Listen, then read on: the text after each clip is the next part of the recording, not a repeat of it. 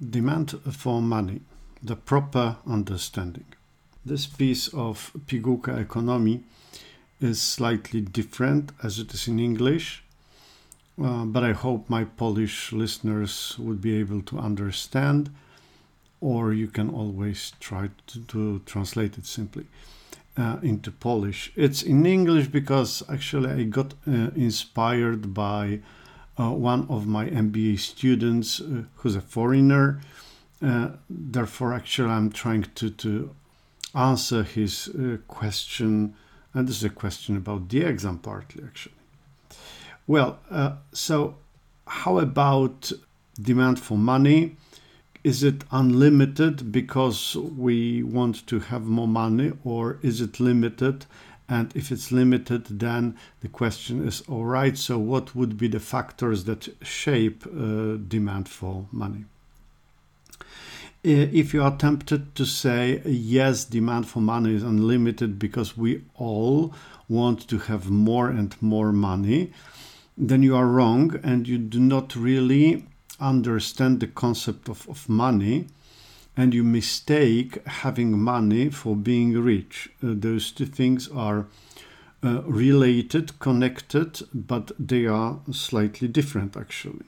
It's not true that we want to have more and more money. Every time when you buy something, you buy a cup of coffee in a cafe, then you decide that you will have less money less money you will have your coffee but you will have less money. Every time you spend your money you decide that you want to have less money.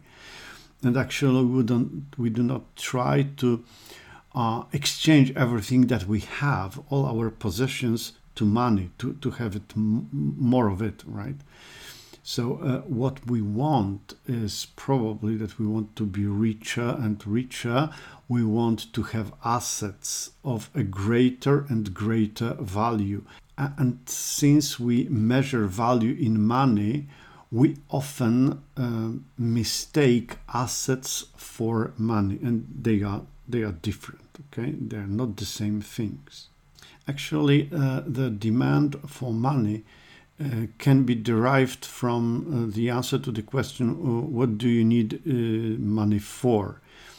And most of us most often need money to make transactions. So you need money because you want to make transactions. Uh, you can also have this precautionary motive that you want to have some money just in case right? This is also another another reason for, for having money. Uh, if you look at um, demand for money from this angle, then obviously the interest rate would matter.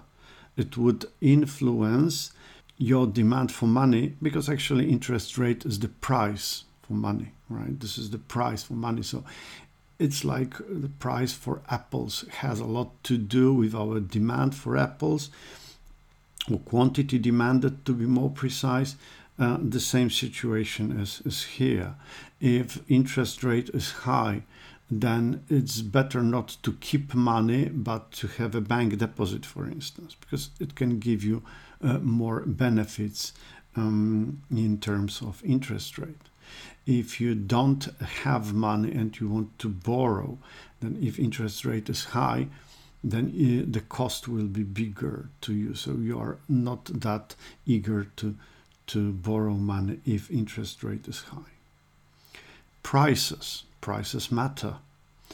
I mean uh, that uh, the higher our prices, the more money you need to perform transactions.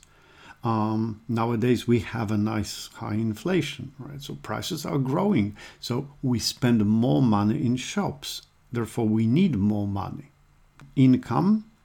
Uh, my student thought that, well, income is not related to demand for money, but it is. But it is. Uh, the bigger is your income, uh, the more usually you buy. Most goods, remember, are normal goods, which means that uh, if your income grows, you tend to buy more of them. So if your income increases, you buy, generally speaking, you buy more. If you want to buy more, you need more money. The question of money supply uh, is kind of interesting.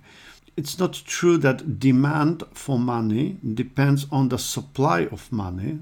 These are two distinct things, like demand for apples does not depend on supply of apples.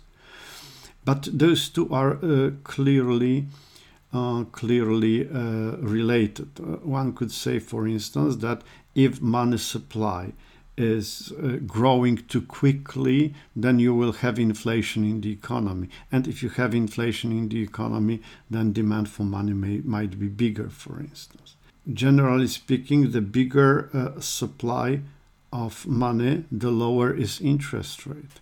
If the interest rate is lower, as we already mentioned, quantity demanded will be bigger. So, this is basically it. As you can see, first of all, remember demand for money is not unlimited. Our greed is unlimited, but demand for money is limited. Uh, and it is shaped by prices, by, by income, and also interest rates would have a lot to do with that. Well, thanks a lot. I hope it made things clear.